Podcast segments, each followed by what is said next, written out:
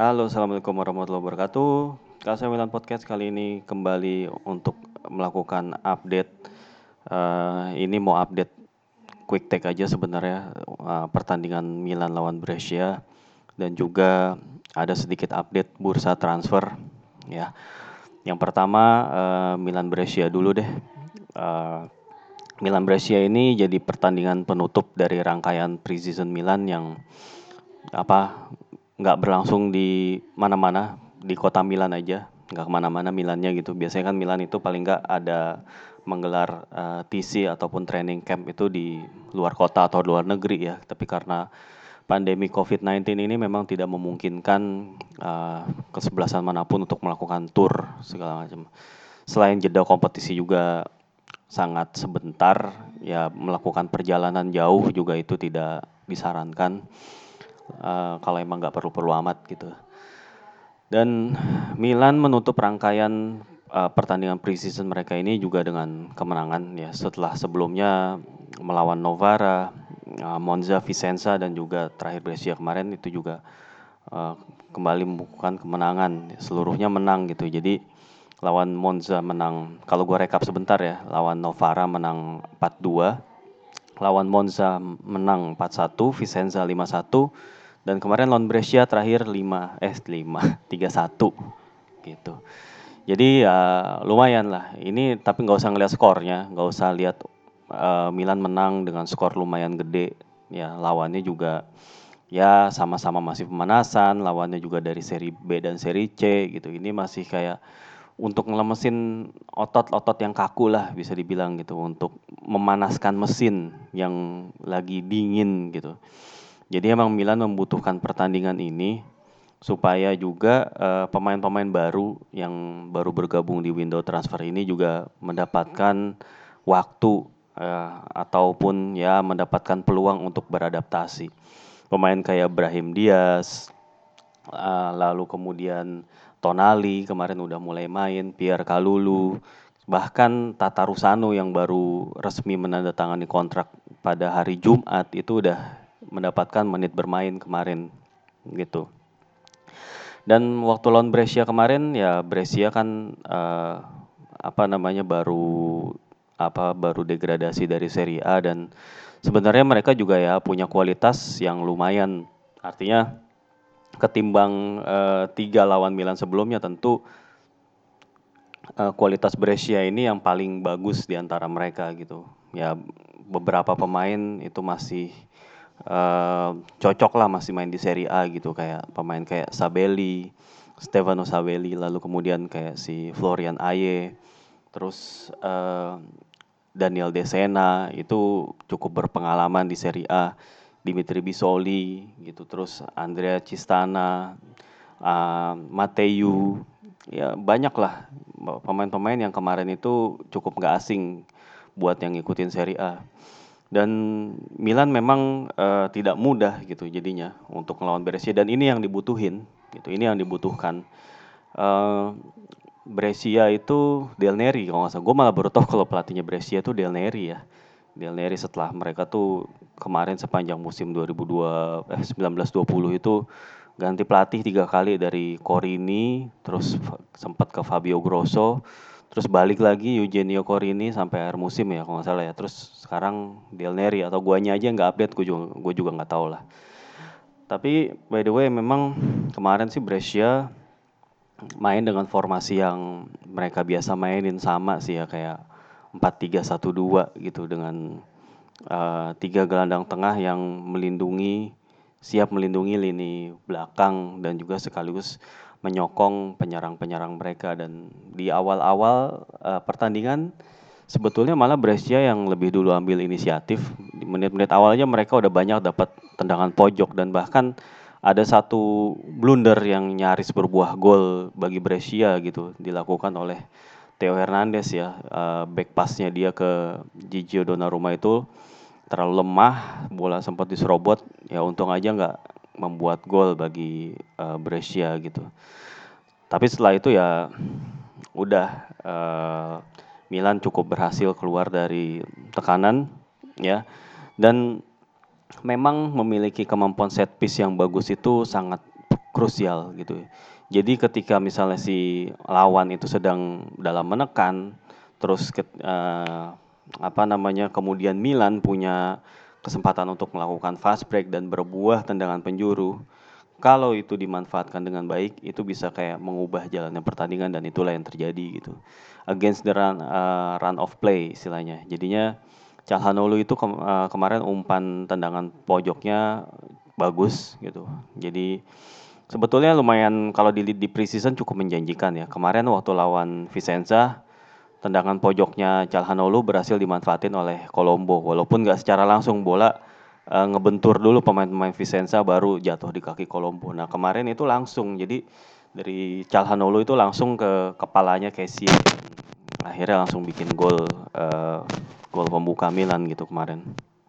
Dan setelah itu Milan bermain lebih rileks. Ada beberapa pemain yang cukup baik ya. Dan uh, ini bisa jadi Pioli udah menemukan lagi-lagi gue bilang udah menemukan kerangka starternya gitu untuk melawan Shamrock.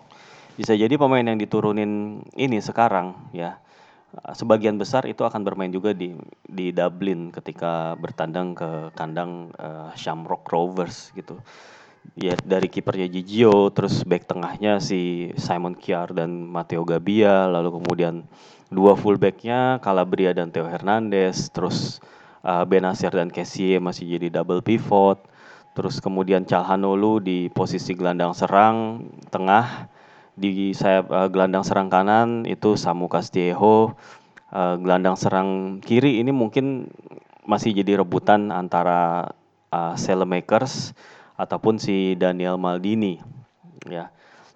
Nah, Rafael Leao itu masih gue nggak tahu apa dia cedera atau dia masih di internasional masih dipanggil di uh, apa namanya timnas Portugal ya usia muda gue nggak tahu ya mungkin cedera sih kemungkinan ya jadi kemungkinan uh, Leao itu posisinya yang tadinya Leao tuh bisa juga dimainin di gelandang sayap kiri kemungkinan posisi itu akan di occupy oleh si Selemaker sih. Most likely Selemakers yang akan main starter gitu. Lalu kemudian uh, di depan Lorenzo Colombo. Nah ini uh, eh, gue nggak tahu nih kalau misalnya Ibra juga belum fit. Kelihatannya Ibra sih lagi nggak fit ya. Uh, kalau misalnya sampai lawan Shamrock tuh Ibra masih kurang fit, bisa jadi Colombo berkesempatan untuk menjadi starter. Ini adalah kesempatan langka buat dia dan juga sekaligus peluang besar sih kalau misalnya dia jadi starter di pertandingan resmi pertama Milan gitu. Walaupun sebetulnya ya kita berharap Ibra pulih gitu pada waktunya dan uh, apa namanya uh, sekarang dia lagi personalized training, lagi program latihan sendiri. Ya semoga aja uh, setidaknya dalam ya beberapa hari dua tiga hari ke depan dia udah bisa lagi join grup training dan juga uh, bisa dianggap fit untuk uh, melakoni pertandingan resmi gitu karena ini adalah uh, one one leg ya sat, satu leg. Ya jadi nggak ada ruang untuk melakukan kesalahan. Jadi uh, kehadiran pemain yang berpengalaman seperti Ibra tentunya akan memberikan ketenangan gitu ya. Memberikan apa uh, cara bermain memberikan guideline gitu. Apalagi Alessio Romagnoli kelihatannya masih cedera ya. Dan dia masih mulai masih menjalani pemulihan dan kalaupun uh, sudah mulai pulih dia kan masih belum latihan. Jadi kemungkinan dia nggak akan diturunin gitu. Bahkan pas lawan Bolonya nanti kemungkinan Romagnoli juga uh, belum tentu diturunin. Berita yang menyebutkan uh, Romagnoli itu kemungkinan baru bisa main itu awal bulan, awal Oktober atau akhir September lah. Jadi kemungkinan Romagnoli itu masih harus istirahat kayak dua atau tiga minggu lagi. Jadi di dua atau tiga pertandingan awal Serie A itu Milan tanpa diperkuat Romagnoli dan karena itulah uh, kebutuhan atau apa akan seorang center back itu makin mengemuka ya. Apalagi bukan cuma Romagnoli aja yang absen, Matteo Musacchio juga masih cedera yang apa namanya yang dibawanya dari musim lalu gitu awal dari sejak pas pasca covid pun Roma si Musakio kayaknya udah nggak main ya udah cedera udah cukup lama udah berapa berapa bulan kayaknya cedera lumayan parah gitu dan karena itu juga Milan agak sulit untuk uh, meng apa offload dia untuk ngejual dia gitu kemungkinan gitu ya. Uh, kembali lagi ke pertandingan lawan Brescia. Jadi setelah Milan unggul satu gol, kalau gue sih ngelihatnya Milan main tadi yang gue bilang main lebih rileks, lebih ngalir, lebih banyak ngasilin peluang gitu ya. Uh, cukup baik lah pemain-pemain Milan itu cukup sabar ya. Polanya udah kelihatan ya Theo Hernandez itu sangat diandalkan dalam fase ofensif. Dia sering melakukan terobosan atau kemudian yang diakhiri dengan umpan silang maupun upaya melakukan tendangan ini juga akan terlihat sampai musim-musim depan ya. Begitu juga Calabria, Calabria juga akan banyak uh, gua rasa sih dengan performa dia yang cukup stabil selama preseason ini manajemen bisa jadi akan eh, nggak uh, jadi ngejual dia sih kemungkinan. Jadinya ya dia akan dipasang terus jadi starter ya. Dan cukup ada kemajuan juga kemarin Calabria itu memberikan asis bagi golnya si Castillejo lewat sebuah umpan silang. Jadi memang masalah akurasi, masalah umpan silang itu emang jadi PR-nya Calabria dan itu sepertinya terus dibenahi gitu. Dan dua fullback ini juga sangat bagus perannya dalam transisi ya ketika uh, fase di mana si lawan itu melakukan build up ya ketika lagi nggak megang bola nih Milannya gitu. Jadi si Brescia-nya ngelakuin build up mereka kan penye dua penyerangnya itu kan melebar ya melebar ke wilayah sayap ke wilayah flank nah di situlah dua fullback itu melakukan pressing jadi ketika sorry ketika si pemain dua penyerang Brescia ini diberikan umpan mereka itu dengan cepat untuk pressing uh, memotong passing lane maupun langsung memberikan kawalan sehingga bola cepat untuk direbut lagi gitu. Begitu juga penyerang-penyerang Kolombo juga sebetulnya mulai rajin. Dia sangat rajin untuk melakukan pressing, uh, mengganggu mengganggu lawan, bukan cuma mengganggu doang, tapi dia juga melakukan tackle, uh, melakukan body contact dengan para pemain Brescia dan itu beberapa kali menghasilkan intercept dan juga uh, menjadikan back-back mereka itu salah passing. Artinya pemain-pemain depan Milan itu mempersempit sebetulnya, mencoba mempersempit uh, ruang passingnya pemain-pemain Brescia dan Benacer dan Kessie itu juga udah bersiaga ya, bersiaga uh, di wilayah uh, tengah gitu. Jadi melakukan overload terhadap terutama ya gelandang serangnya Brescia yang satu di situ biasanya si Nicolas Spalek di situ. Jadinya ya si Spalek nggak ada nggak mendapatin ruang untuk berkreasi dari tengah. Akhirnya dia si Spaleknya itu uh, banyak melalui sayap ya. Akhirnya dia drifting ke sayap supaya nggak dapetin banyak ruang gitu. Di mana si Spalek dengan salah satu penyerang Brescia itu dia akan melakukan kombinasi ditambah juga dengan si Stefano Stabelli dia supaya uh, di lini tersebut itu nggak kalah jumlah dibandingkan dengan uh, pemain-pemain Milan gitu. Uh, tapi kemudian Milan juga dalam fase menyerang cukup bagus ya walaupun bukanlah tim yang bisa melakukan kayak belasan passing akurat secara beruntun gitu. Tapi paling enggak ketika misalnya kerebut, misalnya di passing keenamnya itu kerebut, itu cepet banget menangin second ballnya. Jadi para pemain itu Kessie dan Benasir tuh terutama dua orang itu uh, sangat ya kalau misalnya da dalam jalur passingnya Milan mereka tuh berdiri nggak jauh-jauh gitu.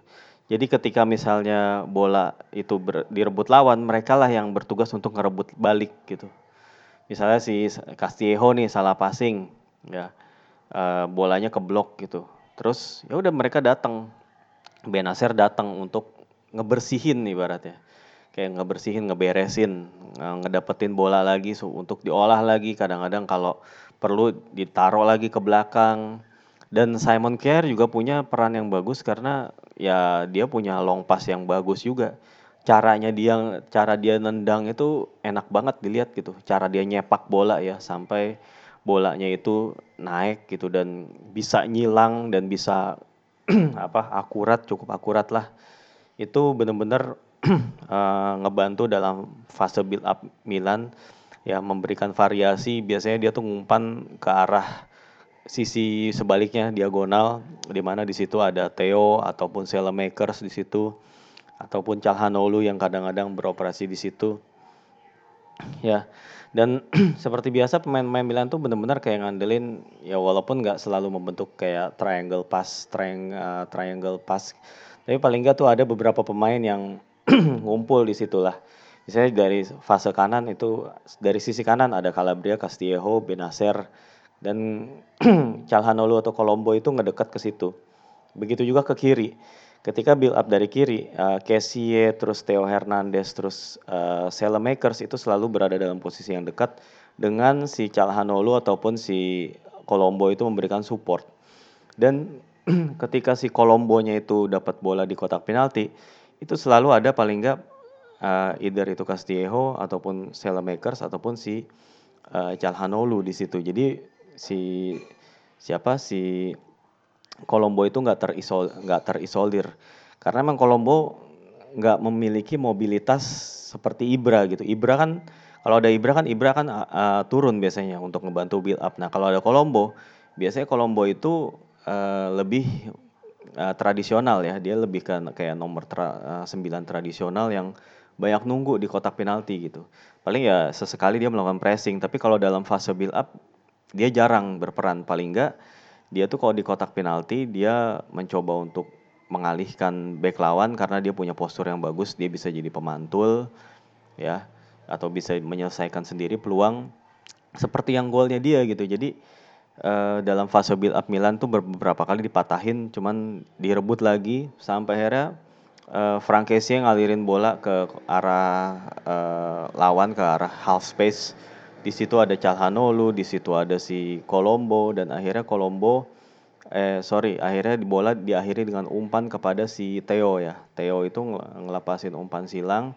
Di situ kalau nggak salah ada Colombo, terus Colombo eh, mencoba melakukan umpan kepada si Samu dan bola dikembaliin lagi oleh Samu dan akhirnya diselesaikan oleh Colombo. Itu gol yang sangat bagus menurut gue.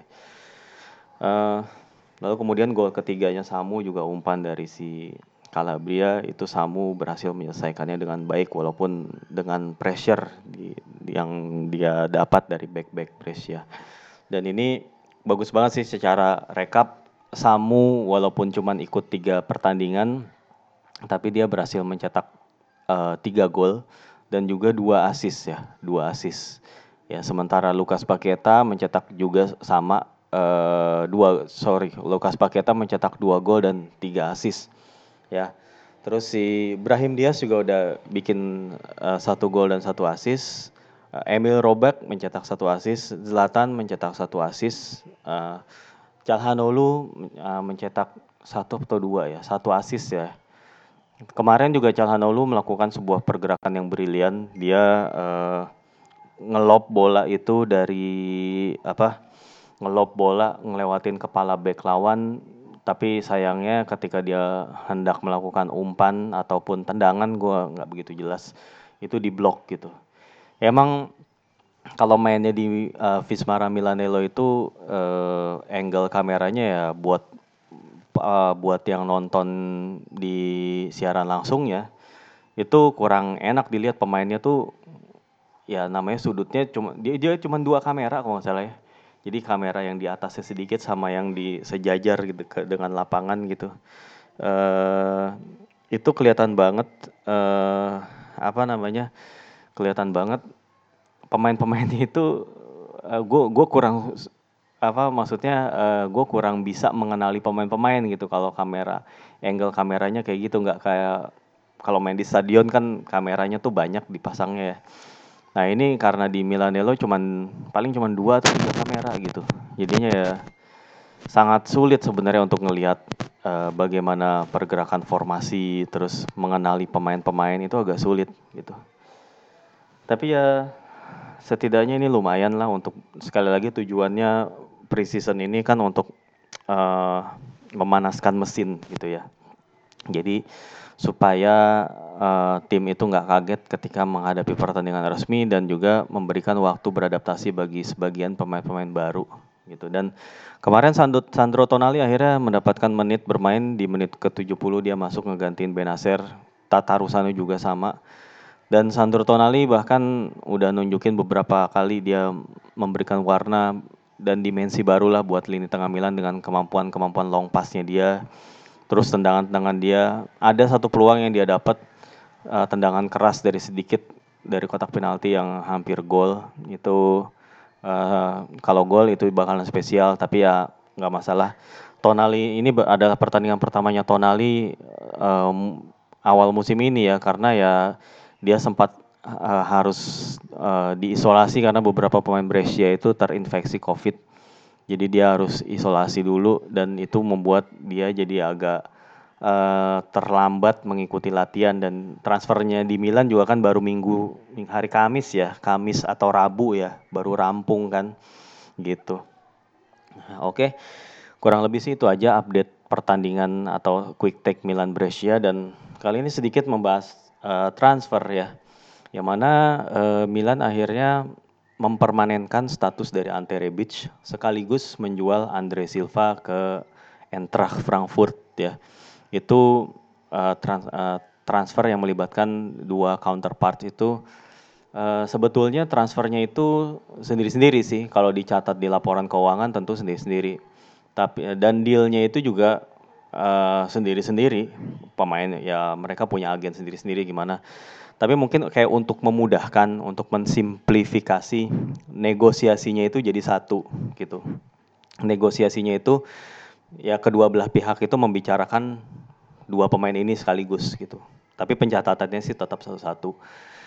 Dan di situ uh, kalau untuk fee kemarin si uh, media-media Jerman terutama Bild itu ngeberitain Milan itu mendapatkan 9 juta euro dari Andre Silva. Padahal kalau dihitung-hitung nilai buku ya uh, Andre Silva itu kan dibeli dari Porto itu 38 juta euro pada musim 2017-18 ya. Lalu kemudian berarti ini udah memasuki tahun ketiganya Silva di Milan kan. Ya. 17, 18, 19. 17, 18, 19. Iya, iya. Uh, sorry. 17, 18, 18, 19, 19, 20. Ya ini memasuki tahun ketiga berarti kan. Uh, berarti uh, total amortisasinya Silva, eh sorry, kecepatan, kecepatan. 38 juta euro itu Silva kontraknya lima tahun ya waktu itu. Durasi kontraknya panjang banget. Berarti dengan harga nilai segitu uh, nilai amortisasinya Silva itu per tahun adalah 38 dibagi 5, 7,6, sekitar 7,6. Ya. 7,6 per tahun. Nah, ini udah memasuki tahun ketiga. Ya udah masuk tahun ketiga berarti kan total amortisasinya eh, uh, 7,6 kali 3 kurang lebih sekitar ya 22 sampai 23 lah. Anggaplah 23 biar gampang lah gitu ya. Terus ya berarti nilai bukunya Silva tinggal kurangin aja 38 kurang total amortisasi 23 sekitar 15 kan Berarti kalau Silva dijual dengan uh, eh, 9 juta itu jelas ada loss atau minus Valenza ya, capital loss alias minus Valenza yang dibukukan oleh Milan terhadap Silva sebesar kurang lebih 6 jutaan lah. Tapi ada juga yang mengabarkan nilai bukunya Silva itu 13,8. Gua kalau gua terus terang gua nggak tahu kalau 13,8 itu ngitungnya dari mana gitu. Apakah uh, transfernya Silva itu bukan 38 tapi misalnya 36 gitu. Ya, atau 35 gitu kan. Gue juga nggak nggak gitu nggak gitu nggak gitu paham lah gitu. Mungkin kalau uh, diambil harga transfer Silva, Silva 35 ya, 35 dikurangin dengan total nilai bukunya Silva itu uh, berapa?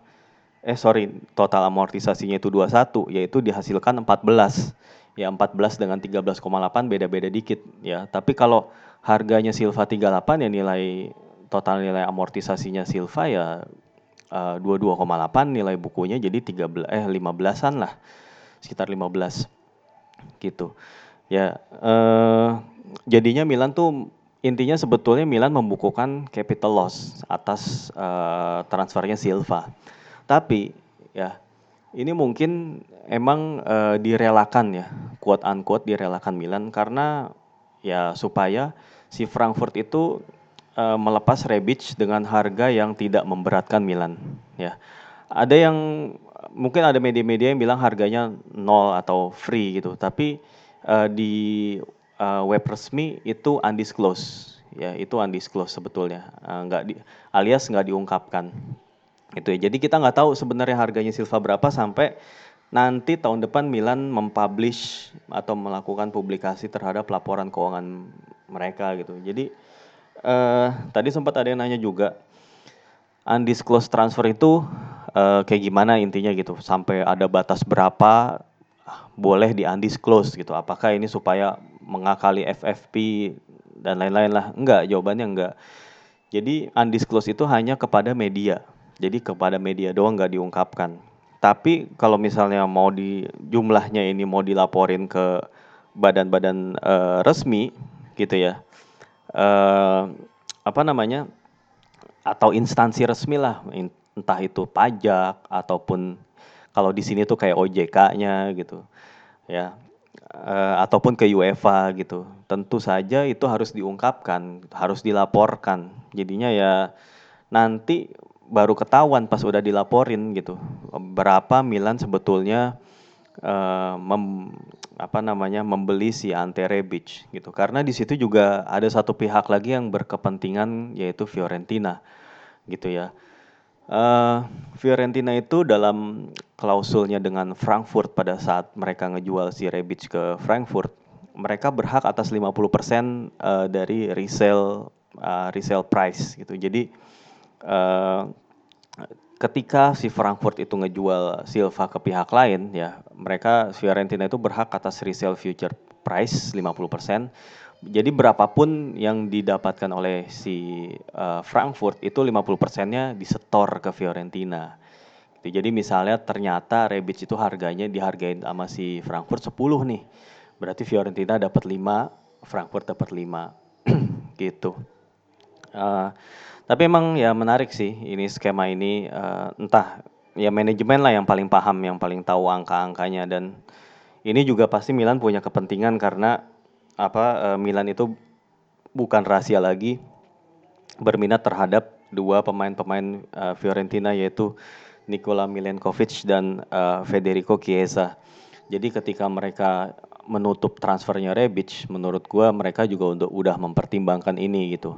Entah uh, ya bagaimanalah, gua nggak ngerti juga bagaimana Maldini, Gatsidis dan juga Ricky Masara itu um, mendesain, mendesain ataupun mencoba untuk uh, menjadikan skema ini itu menguntungkan bagi semua pihak, tapi juga enggak uh, jeopardizing ataupun membahayakan atau menggagalkan ya uh, transfernya Milan atau keberminatan Milan terhadap si Milan Kovic dan Chiesa gitu. Ya kita nggak tahu lah lagi-lagi namanya juga undisclosed ya. Sebenarnya undisclosed fee ini lebih banyak atau lebih jamak ya dipakai oleh klub-klub di Inggris sih. Beberapa pemain itu uh, beberapa pemain itu harganya di undisclosed. Tujuannya tuh sebetulnya macam-macam. Jadi undisclosed fee itu undisclosed transfer itu uh, bisa dilihat tujuannya itu dari sisi klub penjual, bisa dilihat dari sisi klub pembeli, lalu bisa dilihat dari sisi pemain gitu. Jadi kalau dari sisi klub pembeli misalnya, mereka eh, nggak uh, bisa jadi nggak mau mengumumkan uh, transfer klub itu uh, bisa jadi uh, untuk menghindari kritik. Misalnya ketika media ataupun si supporter menganggap harusnya pemain ini harganya nggak segini gitu. Misalnya klub membeli pemain X harganya 10 juta, tapi sebetulnya menurut media dan juga supporter harganya nggak segitu, harusnya 5 juta aja juga bisa. Jadi akhirnya ya uh, klub supaya untuk menghindari keributan lah gitu. Ya, karena kan biar bagaimanapun kan yang negosiasi di meja itu kan mereka juga gitu. Mereka yang tahu situasinya.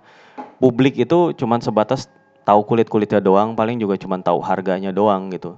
Tapi bagaimana proses negosiasi uh, pemain itu sampai si pemain tersebut pindah itu kan uh, banyak yang kita nggak tahu juga gitu. Ya juga banyak pihak yang berkepentingan ada ada agen ada penghubung pemain ah macam-macam lah. Sekarang itu udah transfer pemain itu udah ribet urusannya gitu pihak uh, urusan adminnya, urusan negonya itu udah berat gitu. Jadi ketika klub itu memutuskan untuk nggak mengungkapkan, ya bisa dipahami juga sih gitu. Ya, terus dari sisi klub penjual juga bisa aja sebaliknya uh, mereka nggak mengungkapkan berapa harga jual si pemain. Itu bisa jadi juga untuk lagi-lagi untuk melindungi mereka juga gitu. Bisa jadi mereka sebenarnya ngejual di bawah dari harga pasar. Harga pasar pemain tuh berapa sih sebenarnya? Nggak ada ya. Eh, nggak ada badan resmi yang menetapkan harga pasar pemain gitu. Nggak ada. Paling ya kayak pihak kayak transfer market ataupun KPMG football benchmark itu kayak suka bikin uh, harga pasar si pemain itu market value-nya tuh berapa gitu. Tapi itu nggak bisa itu nggak bisa dijadikan patokan atau satu-satunya acuan gitu mungkin di, dijadikan salah satu pertimbangan bisa, tapi nggak bisa dijadikan satu-satunya acuan gitu. Nah, tapi kan media juga publik itu kan aware terhadap data-data tersebut gitu. Jadinya ketika uh, klub itu menjual pemainnya dengan harga yang di bawah itu, nah bisa jadi uh, mereka takut ada tekanan atau ada pemberitaan negatif aja gitu ya. Gitu sih. Lalu dari sisi pemainnya juga uh, harga yang di undisclosed atau nggak diungkapkan itu juga bisa ngebantu pemain supaya nggak ngerasa terbebani. Kalau misalnya si pemain itu dianggap dibeli kemahalan, kita misalnya gitu, jadi ya publik nggak akan terlalu cepat menjustify atau mem, atau me, apa ya mengambing hitamkan atau menilai gitu. Ah lu overprice lu, ah lu uh, ya gitulah pokoknya pokoknya menjauhkan pemain dari tekanan yang berlebih dari supporter dan media gitu. Tapi ya pada akhirnya nanti diungkapin juga sih pada saat periode laporan keuangan selanjutnya. Tapi kan paling nggak dengan nggak diungkapin sekarang itu jadi ya klub itu bisa kayak ya lebih tenang lah gitu, lebih tenang aja gitu. Mereka nggak nggak terlalu under pressure. Ya uh, gitu aja sih uh, menurut gue. Jadinya ya Uh, pergerakan transfer Milan kayaknya masih belum selesai dan masih akan berlanjut sampai uh, penutupan bursa. Ya, masih tanggal 5 Oktober masih kira-kira ada waktu sekitar tiga mingguan lagi sebelum ditutup bursa transfer. Jadi apa pun masih bisa terjadi. Pemain-pemain yang mau dijual juga cukup banyak ya. Dan pemain-pemain yang mau diperpanjang kontraknya juga ada Calhanoglu, ada Donnarumma, juga Romagnoli ya. Itu juga ada kemungkinan akan diperpanjang ya. Lalu kemudian pemain-pemain yang berusaha untuk dijual juga ada kayak Lukas Paketa, Rade Krunic, uh, Diego Laxalt, ya, Halilovic, lalu kemudian hmm, satu di antara Conti ataupun Calabria, terus ya satu di antara Musakio dan Duarte. Yang mana kalau Milan sebetulnya bisa uh, ngejual pemain-pemain tersebut sebetulnya apalagi dengan harga yang tepat gitu ya. Milan itu bisa ngedapetin kayak dana segar itu kayak bisa jadi 40-an lah, 30 40 itu udah bagus banget. Di mana uang tersebut bisa dialokasikan untuk mengganti apa membeli pengganti mereka sekaligus membeli pemain-pemain incaran gitu ya. Tapi ya kalau uh, kan sebenarnya ada tiga posisi yang rame untuk uh, dibeli gitu ya. Either itu gelandang ya yang calonnya adalah si Bakayoko Somare ataupun si Florentino Luis. Lalu kemudian defender itu ada Milenkovic sebagai uh, kandidat utama juga Jerman Petzela sesama Fiorentina juga uh, kandidat alternatif. Lalu untuk uh, pemain sayap kanan itu Kiesa itu kayak nice to have lah sebenarnya. Kalau kalau bisa dapetin bagus banget. Tapi kalau enggak sebetulnya Milan enggak enggak terlalu kekurangan kedalaman dalam posisi tersebut. Tapi kalau dapet itu bisa jadi sangat sangat menjadi upgrade gitu. Bek kanan bek kanan juga sebetulnya eh, dengan performa Calabria yang meyakinkan di preseason juga Pierre Kalulu yang cukup menjanjikan ya. Andrea Conti juga lagi pemulihan cedera itu bisa jadi uh, prioritas mengejar bek kanan akan dikendorin lagi gitu. Jadi belum tentu jadi prioritas kayak waktu kemarin-kemarin gitu. Jadi yang lebih prioritas itu uh, back tengah dan juga gelandang tengah. Milan pengen punya gelandang tengah sebanyak-banyaknya uh, supaya pilihan atau variasi juga bisa sebanyak-banyaknya. Uh, lalu kemudian juga uh, rotasi pemain bisa dilakukan dengan nyaman gitu di posisi gelandang.